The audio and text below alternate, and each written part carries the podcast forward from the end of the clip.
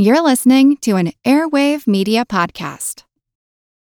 When you need mealtime inspiration, it's worth shopping Kroger, where you'll find over 30,000 mouthwatering choices that excite your inner foodie. And no matter what tasty choice you make, you'll enjoy our everyday low prices, plus extra ways to save, like digital coupons worth over $600 each week. You can also save up to $1 off per gallon at the pump with fuel points. More savings and more inspiring flavors make shopping Kroger worth it every time. Kroger, fresh for everyone. Fuel restrictions apply.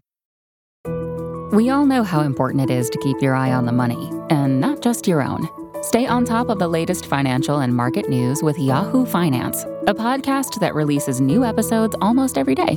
You'll hear a brief overview of the biggest news in the financial world, all in three minutes or less, right after markets close. Check out Yahoo Finance wherever you get your podcasts. That's Yahoo Finance wherever you get your podcasts. This is Kick Ass News. I'm Ben Mathis.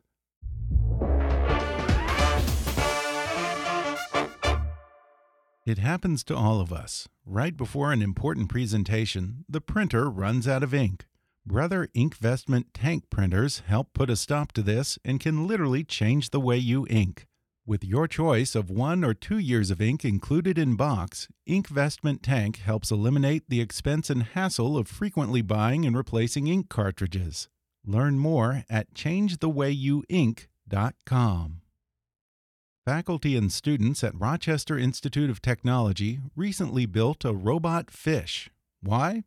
Because it could lead to a new wave of prosthetics. Now we're all hooked. At RIT, the creative team of engineers is on to something life changing. Learn more about the project at rit.edu/slash kick. And now, enjoy the show. Hi. I'm Ben Mathis. Welcome to Kick Ass News. Of all the hotly contested races in the 2018 midterms, none attracted more attention than the Georgia gubernatorial election that pitted Democratic nominee and former minority leader of the Georgia House of Representatives, Stacey Abrams, against Republican candidate Brian Kemp, who also happened to be Georgia's Secretary of State, the very person in charge of overseeing that election. On election night, Kemp declared victory by a narrow margin of 1.4%, but Stacey Abrams wasn't ready to give up yet, alleging widespread irregularities and voter disenfranchisement in poor and minority communities. The election results were eventually upheld after a 10 day recount, and while Abrams then suspended her campaign, she refused to concede defeat. If her critics hoped that she'd quietly fade away, they've been sorely disappointed.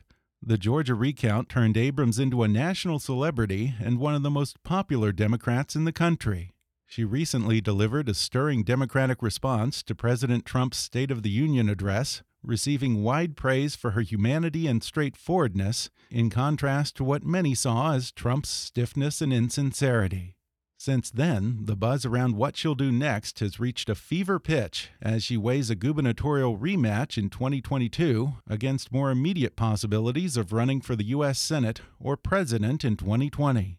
And now, just a few days ago, she had a private one on one lunch at the invitation of Joe Biden, leading to widespread speculation that Biden wants to launch his own campaign for president by announcing Abrams as his running mate. No sooner had the rumors of a Biden Abrams ticket taken flight than a deluge of high profile Democrats began pleading with Stacey Abrams to decline the number two spot and run for president herself. Based on her most recent statements, like, I think you don't run for second place, and if I'm going to enter a primary, I'm going to enter a primary, she certainly is beginning to sound like a candidate for the top office. But if political pundits and predictors want to get to the heart of what drives Stacey Abrams, they'd do well to read her engaging and instructive book, Lead from the Outside How to Build Your Future and Make Real Change, now available in paperback. And on today's podcast, I'll talk with Stacey Abrams about where she comes from, how she got there, and where she's going next. We'll talk about that private lunch with Joe Biden, what was discussed, and what issues she'd campaign on if she does run for VP or even president in 2020, as well as how this self proclaimed introvert is handling all that national attention. She discusses making history as Georgia House Minority Leader and then as her party's nominee for governor, why she refused to concede defeat in the gubernatorial race, and why she believes widespread voter suppression tipped that election for her opponent. Then she explains the careful balancing act of being a woman of color in a position of power, why minority politicians undergo way more financial scrutiny than their white colleagues, and how the Republican Governors Association tried to chastise her, and by implication all women, for daring to seek higher office. Plus, Stacey reveals herself as a Star Trek Next Generation super nerd and what the show can teach us about outsider politics. She shares her personal philosophy of work life Jenga, talks about moonlighting as a successful romance novelist, and opens up about finally making time for dating and a love life of her own. Coming up with Stacey Abrams in just a moment.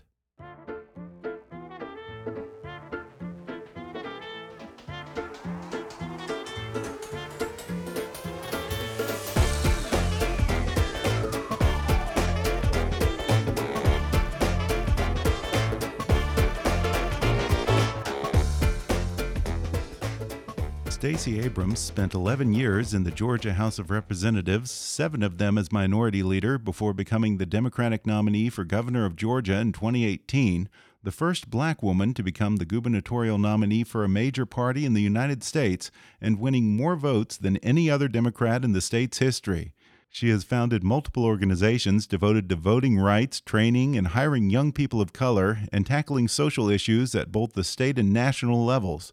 She's a lifetime member of the Council on Foreign Relations and the 2012 recipient of the John F. Kennedy New Frontier Award.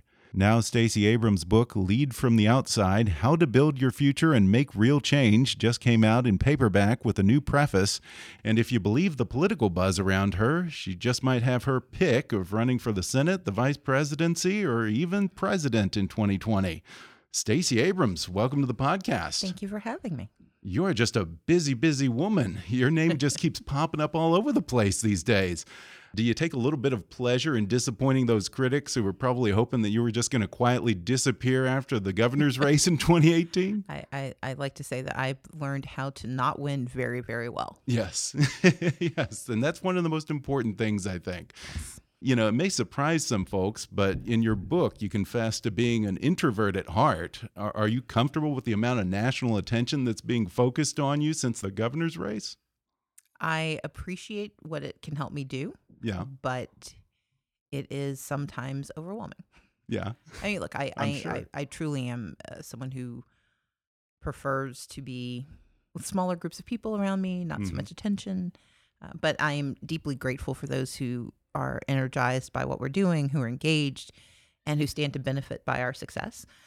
And part of the trade off is that, yes, I may be an introvert by nature, but the work I think needs to be done requires that I mimic extroverts and try to do what they do. Yeah. Is that your secret? Because you, say in college you were very shy. So I have to assume that all the glad handing and the stuff that comes with politics doesn't come that naturally to you, huh? So I, am not shy. I've okay. always been reserved. Okay. Well, and here's here's the distinction. My younger sister and I fight about this.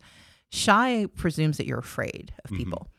Right. I, I'm less afraid and more just it's not my natural comfort zone. Okay. And I they describe introversion as being whether you're uh, animated by people or whether they take energy. Mm-hmm. It takes some energy for me. Uh, and the glad handing and the gregariousness that you usually find with extroverts that doesn't come natural to me. I can do it and I've learned how to be better at it. But left to my own devices, I will watch a Star Trek marathon. yeah, I know that you're a huge Star Trek fan. uh, at some point in your book, I think you say that the Android data yes. sort of inspired a certain political philosophy of how minorities should approach uh, trying to get ahead in politics. Huh? Can yes. you tell that story? So there's an episode uh, where they are playing war games, and uh, sort of a subplot. Data the android is challenged to a game of Strategema against this brilliant uh, man named Kolrami, and Kolrami beats the android at uh, what is essentially a computer game, which should not happen. And everyone tries to figure out how could Data lose. Data disengages himself. He runs diagnostics. He finally decides that he's just not worthy of being, you know, this this android because he could lose to a human. And the captain, Captain Picard, basically says, "Stop beating yourself up and figure out how to do this because this is your job." And when Data re-engages, he plays Kolrami again. And when you see him this time, Kolrami gets more and more frustrated, and he finally throws up his hands and he, he forfeits the game. And they ask him like, Data, did you you know write a new program? Like, how did you how did you beat him this time? And he said, Kolrami's mission was to beat me. Mm-hmm. My mission was to stay in the game. And when you want to stay in the game, you will pass up obvious opportunities in order to lengthen your potential. And if you're in the minority, you're not always going to be able to win. In fact, it's typically in the title that you're not going to have a sufficient amount of resources. What I took from that is that the job is to just redefine what victory looks like. And sometimes victory is simply outlasting the other guy. Mm-hmm. Yeah, just got to be the last one standing. Exactly. now, in the last week or so, you have met with both Chuck Schumer and Joe Biden. Not bad, I have to say. uh, I know that Schumer wants you to run for Senate in Georgia, and Biden, if the rumors are to be believed, might want you to be on the ticket as his running mate, uh, probably sooner than later. Can you tell us anything about what you and Biden talked about at that lunch? I've met with uh, more than eight of the, I think a total of eight, maybe nine, if you include a phone call, folks running for president, those who have declared and who haven't declared. This year? Oh, for, for 2020. Mm-hmm. Okay. And I'm pleased to meet with everyone. Mhm. Uh, the conversation with Vice President Biden was fantastic. We had a really good conversation. This was not part of our conversation. Okay. So being a running mate never came up. We talked about the responsibilities of running for office. We talked about what are the two passions for me one, fighting voter suppression, and 2 mm-hmm. fighting for Georgia and making sure Georgia is a battleground state. Those Okay. are, and we had other conversations, but the rumors are not true. Okay. The rumors are not true. They're not. Uh, have you been uh, at all heartened by the number of people who have actually come out, including, I think, an op ed in the Washington Post saying, don't take it. If it's on the table, don't take it, Stacey. I appreciate the passion and energy that people have around my future, and I hope they still feel that way once I decide what that future is supposed to be. Yeah. Well, a couple of months ago, you became the first African American woman to give the Democratic response to the President's State of the Union. The contrast between you and President Trump could not have been more glaring. Uh, You know, Trump, who is not very good when he's on a teleprompter, came off as very flat and lifeless and was trotting out war veterans and Holocaust survivors and everything but, you know, a basket of puppies. you know?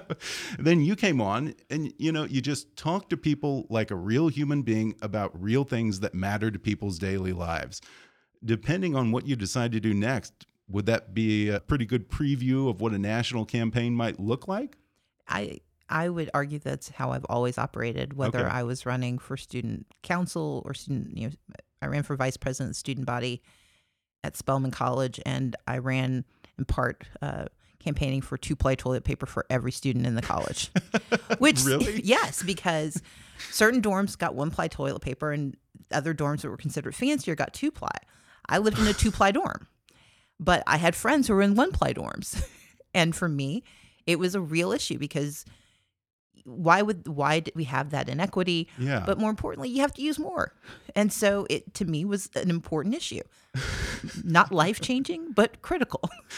and when I ran for when I ran for the legislature, I actually ran as a technocrat. So I was running against someone who'd been in office and someone else who was from that community. I couldn't argue that I had either of those experiences, but I understood how government worked. Mm-hmm. And so I let people ask me the most pedestrian questions, the most parochial things, because people you're you're being hired for a job and they need to know you know how to do that job. Mm-hmm. The job of giving the State of the Union response was a job of speaking for people who wanted the leader of their country to hear their worries, mm-hmm. but also to hear their aspirations. And I was asked to do it at a time where we had failed as a nation because that leader had used his political hubris to deny people paychecks. And that meant medicines.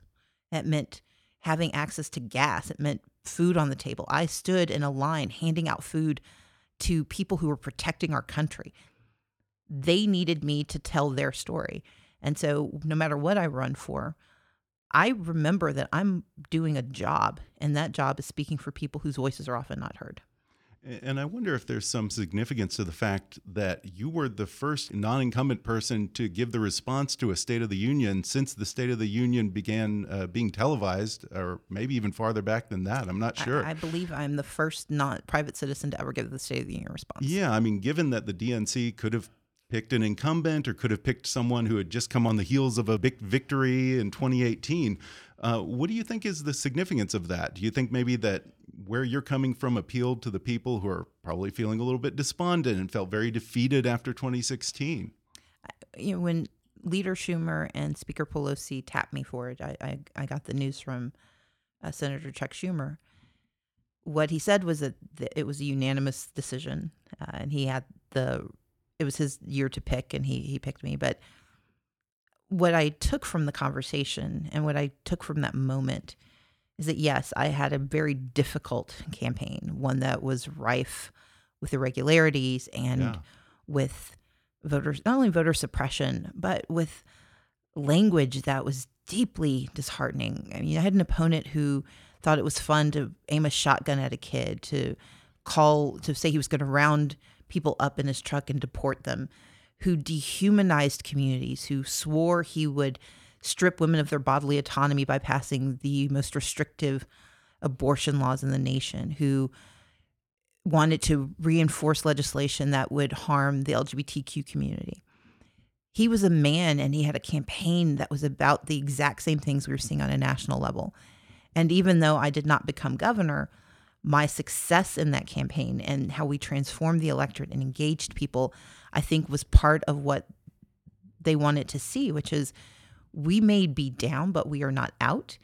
And their victories are temporary and ephemeral, but our successes can be permanent if we remember why we're doing it. Yeah. And even though in the end, uh, according to I guess the math of it, you lost by I think a, maybe a one point four points mm -hmm. or something like that. Uh, you actually set a number of records yes. for a Democrat running in that state.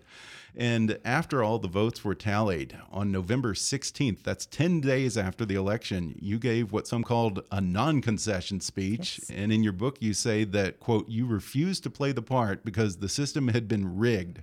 Why do you believe that the system had been rigged based on what you saw? Because I ran against a cartoon villain. I, I ran really? against the Secretary of State, who yeah. at the time he was a candidate for governor, huh. was still managing the election process. He was basically the wow. referee, the scorekeeper, yeah, and, and the team, the home team. Yeah. That's not only unfair, it is inconsonant with what we call a democracy. Mm-hmm. And there were no systems to force him to stop. And he shockingly was able to win. But in his tenure as Secretary of State, he had he managed to purge more than 1.4 million voters. He led an administration of election supervision that closed 214 precincts.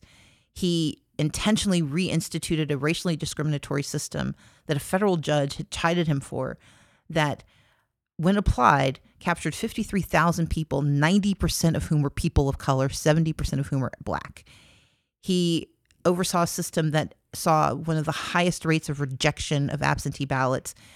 All of the things that you can think of that would constitute voter suppression, he put into one big basket hmm. and delivered in that election. So, yes, it was rigged. I cannot prove empirically that I would have won every vote that was not cast. Yeah. And that's the hardest part, isn't it? You well, know, you, you'll just, there's no way that you'll ever be able to know whether you really won or not. We'll just never know. It's a pretty good guess. It's pretty good guess. I mean, yeah. he purged about 600,000 right. right. before he threw his name into the right. hat to run for governor. Right. And if you look at the, wow. the profile of those, they were unlikely to be Kemp voters. Mm -hmm. But, but let's put that aside. My responsibility is not to go back in time and be the victor. My responsibility is to fight to make certain no one else has to question whether the fight was fair. Yeah. That is why I do this and that is why I refuse to concede because we have to get beyond this notion that by 11 p.m. on a Tuesday night we know what has happened. We have to have a peaceful transfer of power but sometimes that power transfer has to be delayed until we know that the process was right. And I know how passionate you are about voting rights. Uh, when the left talks about this sort of thing, they talk about voting rights, and the right talks about voter fraud. when someone like President Trump makes accusations of election rigging and illegal voting, problems with phony voter IDs or the lack of voter IDs, uh, how do you interpret those words? Do you think he's deliberately trying to disenfranchise certain groups? Do you think there's a racist undertone to that? Yes. Yeah. Voter fraud is a lie. It does not exist. Typically, what is called voter fraud actually tends to be voter confusion.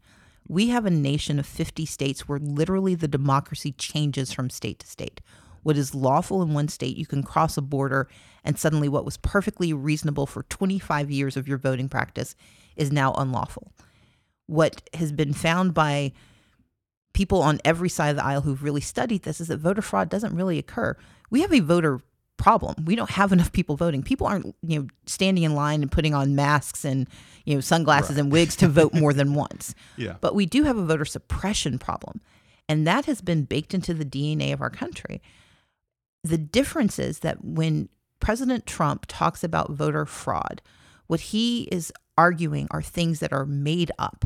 There's absolutely no evidence. And we know there's no evidence because he convened an expert panel right. that disbanded because they could not find yeah. evidence. yeah. Whereas we have reams of evidence of voter suppression.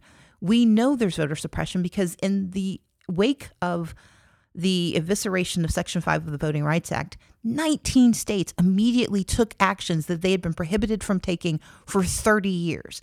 And it had the direct and completely predictable effect of diminishing the power of votes, particularly among communities of color and marginalized communities. That's why suppression is real. We know it happens because they're passing laws to make it so, solving problems that don't exist, except for one, which is that people are voting who aren't going to vote for them.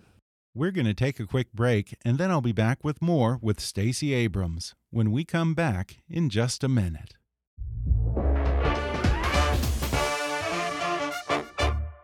If there's something interfering with your happiness or preventing you from achieving your goals, BetterHelp Online Counseling can help. BetterHelp offers licensed professional counselors who are specialized in issues such as depression, anxiety, relationships, trauma, anger, family conflicts, LGBT matters, grief, self esteem, and more. Connect with your professional counselor in a safe and private online environment and get help at your own time and at your own pace. Anything you share is confidential. And it's so convenient, you can schedule secure video or phone sessions as well as chat and text with your therapist. If for some reason you're not happy with your counselor, though, you can request a new one at any time for no additional charge. Best of all, it's a truly affordable option. Kick-Ass News listeners even get 10% off your first month with the discount code KICK. So why not get started today? go to betterhelp.com/kick. Then simply fill out a questionnaire to help them assess your needs and get matched with a counselor you'll love. That's betterhelp.com/kick. And now, back to the show.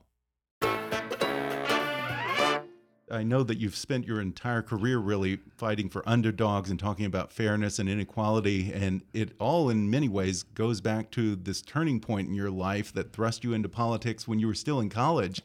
It came in the days following the Rodney King verdict when riots began in cities all over the country, particularly in Atlanta as well, where you were going to college. Um, what did you see in that moment that inspired you to start speaking out? I'd grown up in a family that was very committed to social justice. My parents made certain that we volunteered, but that we also protested. And so I wasn't new to engagement. I wasn't new to activism, but I was new to politics. As a student, I'd been attending city council meetings. I knew I knew the city. I understood how city hall worked. But to watch city hall turn on my fellow students and on its own community and to presume bad action and not engage was enraging to me. I ended up going down to a town hall meeting with then Mayor uh, Maynard Jackson. We had a, a bit of a tete-a-tete, um, yeah. a little bit of a disagreement about his role as mayor. Yeah. And is it safe to say that you let him have it? Would that be overstating? I was things? polite, okay, but I was polite. insistent. Yeah. Okay. Um, I had the zeal of an 18-year-old freshman who knew everything. Uh, and you know, I was I was right on a number of issues. I was wrong in other ways. But what I learned in that moment and what was reinforced for me 6 months later was that by calling him on it, he actually thought about it and he invited me a few months later to become the first employee of the Office of Youth Services, a newly created office for the city. And that for me was really the point of entry because activism was something I knew, activism was something I'd grown up with. But politics was different. And being at the city, being in charge of conversations about gang violence and youth engagement, that gave me a different perspective. But also, it let me see that what for me was top of mind every day for people in charge and people in power they weren't concerned about our communities they they weren't waking up every day worried about what was going to happen and that led me to understand that i had a responsibility to never forget that that's what i needed to wake up thinking about and I think that that's when you also decided you wanted to be mayor of Atlanta and Yes. follow in his footsteps, right? So uh, a few months later, uh, I had a very bad breakup with someone who was mean to me and told me that I would- wasn't spending enough time with him. He probably was right. Uh, and he made these very uncharitable comments about my future life. And so I decided to show him that I was going to be in charge of everything one day, and he would rue the day he was mean to me and broke up with me. Uh, he would regret it. And Yeah. so I We're talking parking tickets and getting pulled over or what? know, it was. I, I, I write very complicated novels. Yes, you Um, do. I'm aware. But in this case, I did a spreadsheet where I laid out all the things I wanted to accomplish, and one of them was to be mayor because that was the highest office that I thought I could attain in the near term where I could really make the change. And then I had some longer term ambitions. I my spreadsheet took me out to the age of 68. But mayor was the job I thought about. and at a certain point, you decided that it wasn't the be all end all. What changed your mind? I'm driven by a desire to address not only inequality but poverty. Uh, it is economically inefficient, it is immoral, and it's a waste of human capital. And I think it's solvable. For a long time, I thought it had to happen at the city level, but what I saw working for the mayor in 93 was different than what happened when I went back in 2003 as deputy city attorney. There, I saw a mayor who put forward the very legislation I'd always wanted to see, and it was batted down by the state. The governor and the, the state legislature could say no and thwart the mm. ambition of good. And that to me crystallized what I'd been thinking about, which was that yes, the mayors are important, but mayors without good governors could not be effective, as effective as they needed to be. And so it became my mission to be a governor. And I'd been thinking about it for a few years, but that really crystallized it for me. And that was when I decided I would run for governor of Georgia. And once you were running for governor of Georgia, there was actually an article for Cosmo where you got some flack after that from the Republican Governors Association for daring to say that you might actually want to run for president to achieve the goals that you set for yourself. Do you think a woman of color is discouraged from being open about their ambitions in a way that we don't do to, say, uh, Mitt Romney or Joe Biden or Bernie Sanders? Uh, in this, I think it's not just women of color. I think it's women writ large. And as a woman of color in particular, because uh, for women writ large, you're discouraged. For women of color, it's almost seen as an absurdist idea. And it's one of the reasons I am continuing to keep my name in and my ideas in the conversation about the presidency even now. But at the moment, political ambition for women is the one space where it, it is verboten to have this conversation. If you are in the mailroom and decide that one day you want to run the company, if you're a man, you are celebrated. That's a great thing to want to do. And if you're a guy who thinks you you know have a good hair day and you should be president, there you go. if you're a woman, there's something unseemly about the ambition and you're supposed to hide it and like you know Gollum tending his precious you're supposed to it's not supposed to be something that is seen and known Yeah. And I reject that because how can I ask other people especially other women to try for more when I'm afraid to say out loud what it is I mm-hmm. want? And I have to say, I really feel for you because, especially as a black woman in power, you talk about the difficulty of the balancing act that you have to do in terms of not reinforcing negative stereotypes on both ends of the mm-hmm. spectrum. In fact, in your own words, you say, you don't want to be Shanae, but you also don't want to be Uncle Tom. How do you walk that tightrope? you have to be thoughtful and intentional. I, I part of what we would like to believe is so is that you walk into a space as your authentic self, and as long as you are wholly who you are, it's fine. That's wonderful as long as you're walking into a room alone.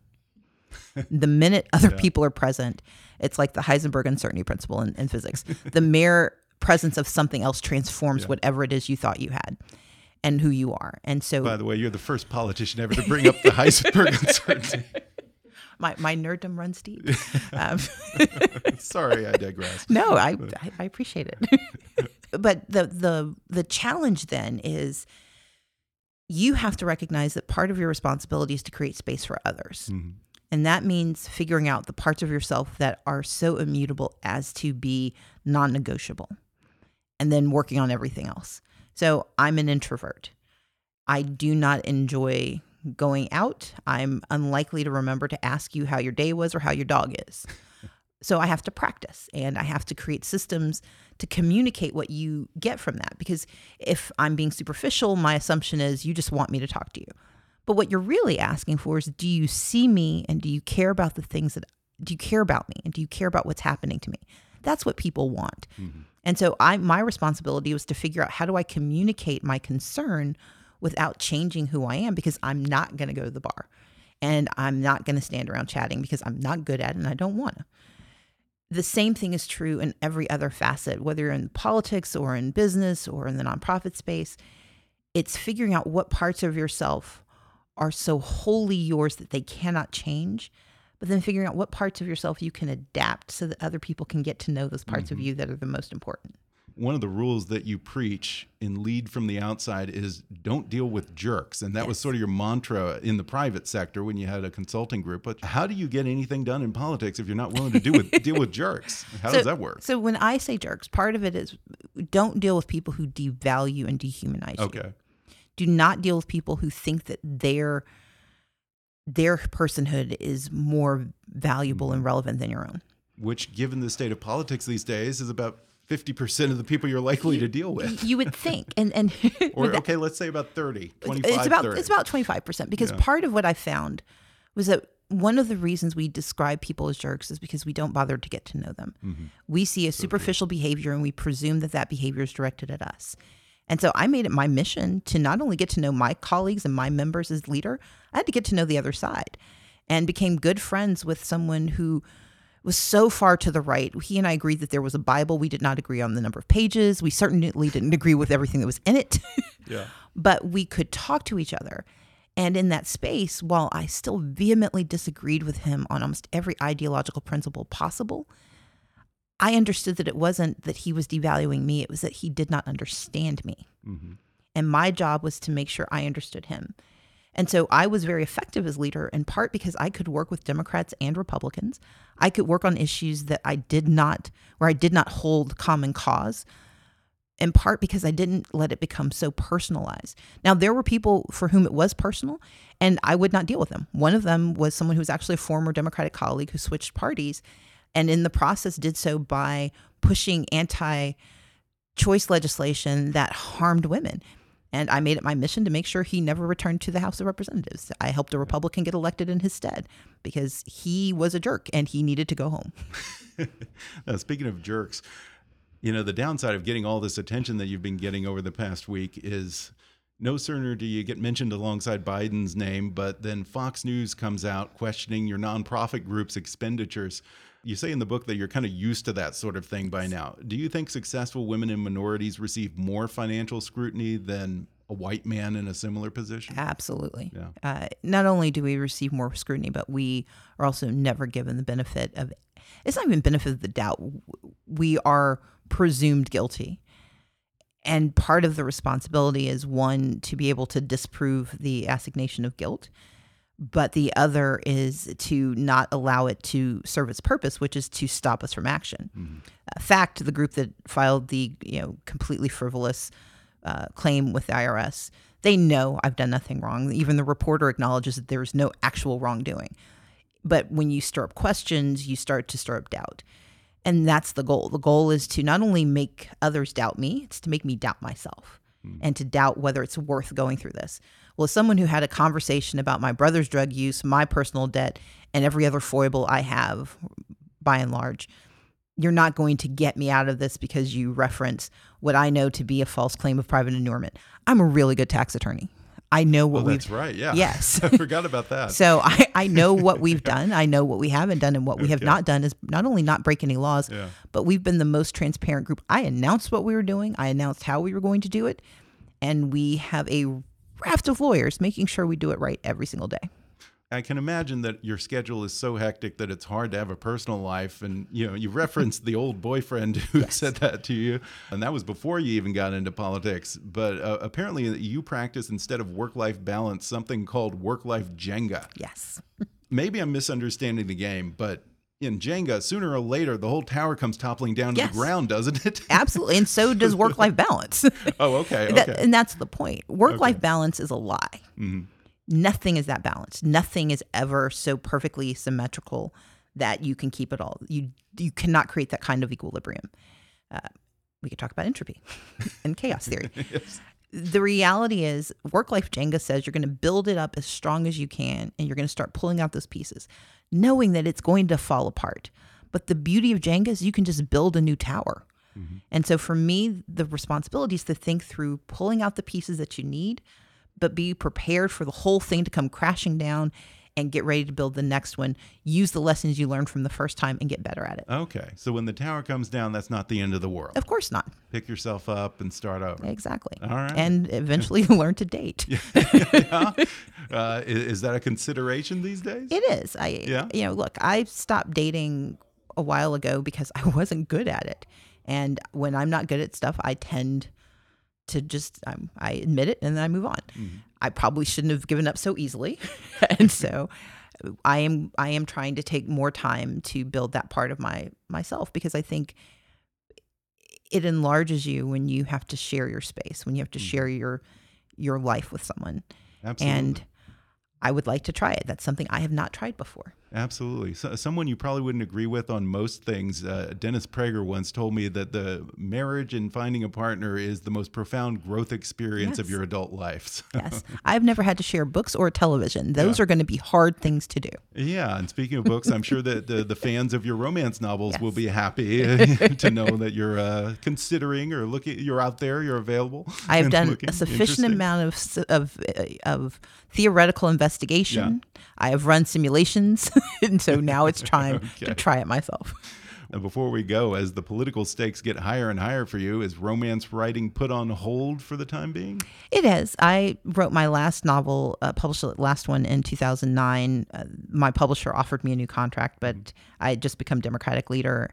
And there's no way to. I- I found that my work life Jenga did not allow for that piece because the jobs that I have before me, while writing will always be a part of who I am and what I do, that phase right now for me has to sit.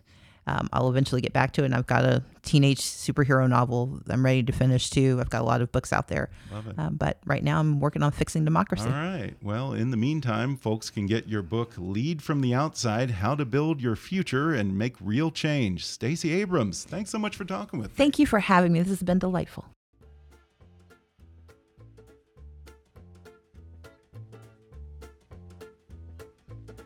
Thanks again to Stacey Abrams for coming on the show.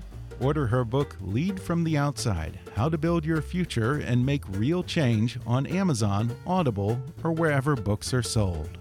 Learn more about Stacey's voting rights group Fair Fight Action at fairfightaction.com and follow her on Twitter at, at Stacey Abrams. Whatever struggles you're facing, from depression and anxiety to trauma and grief, BetterHelp can connect you with a professional counselor in a safe and private online environment. It's so convenient, you can schedule secure video or phone sessions, as well as chat or text with your therapist. And anything you share is completely confidential. Best of all, it's a truly affordable option. Kick-Ass News listeners can even get 10% off your first month with the discount code KICK. So why not get started? Simply go to betterhelp.com/kick and fill out a questionnaire to get matched with a counselor you'll love today. Be sure to subscribe to Kickass News on Apple Podcasts if you haven't already, and if you like what you're hearing, then rate and review us while you're there. Five-star reviews are the easiest way for new listeners to find us. Don't forget to like us on Facebook and follow us on Twitter at, at @kickassnewspod. And feel free to email me with your thoughts, questions, and suggestions at comments at kickassnews.com. Until next time, I'm Ben Mathis, and thanks for listening to Kickass News.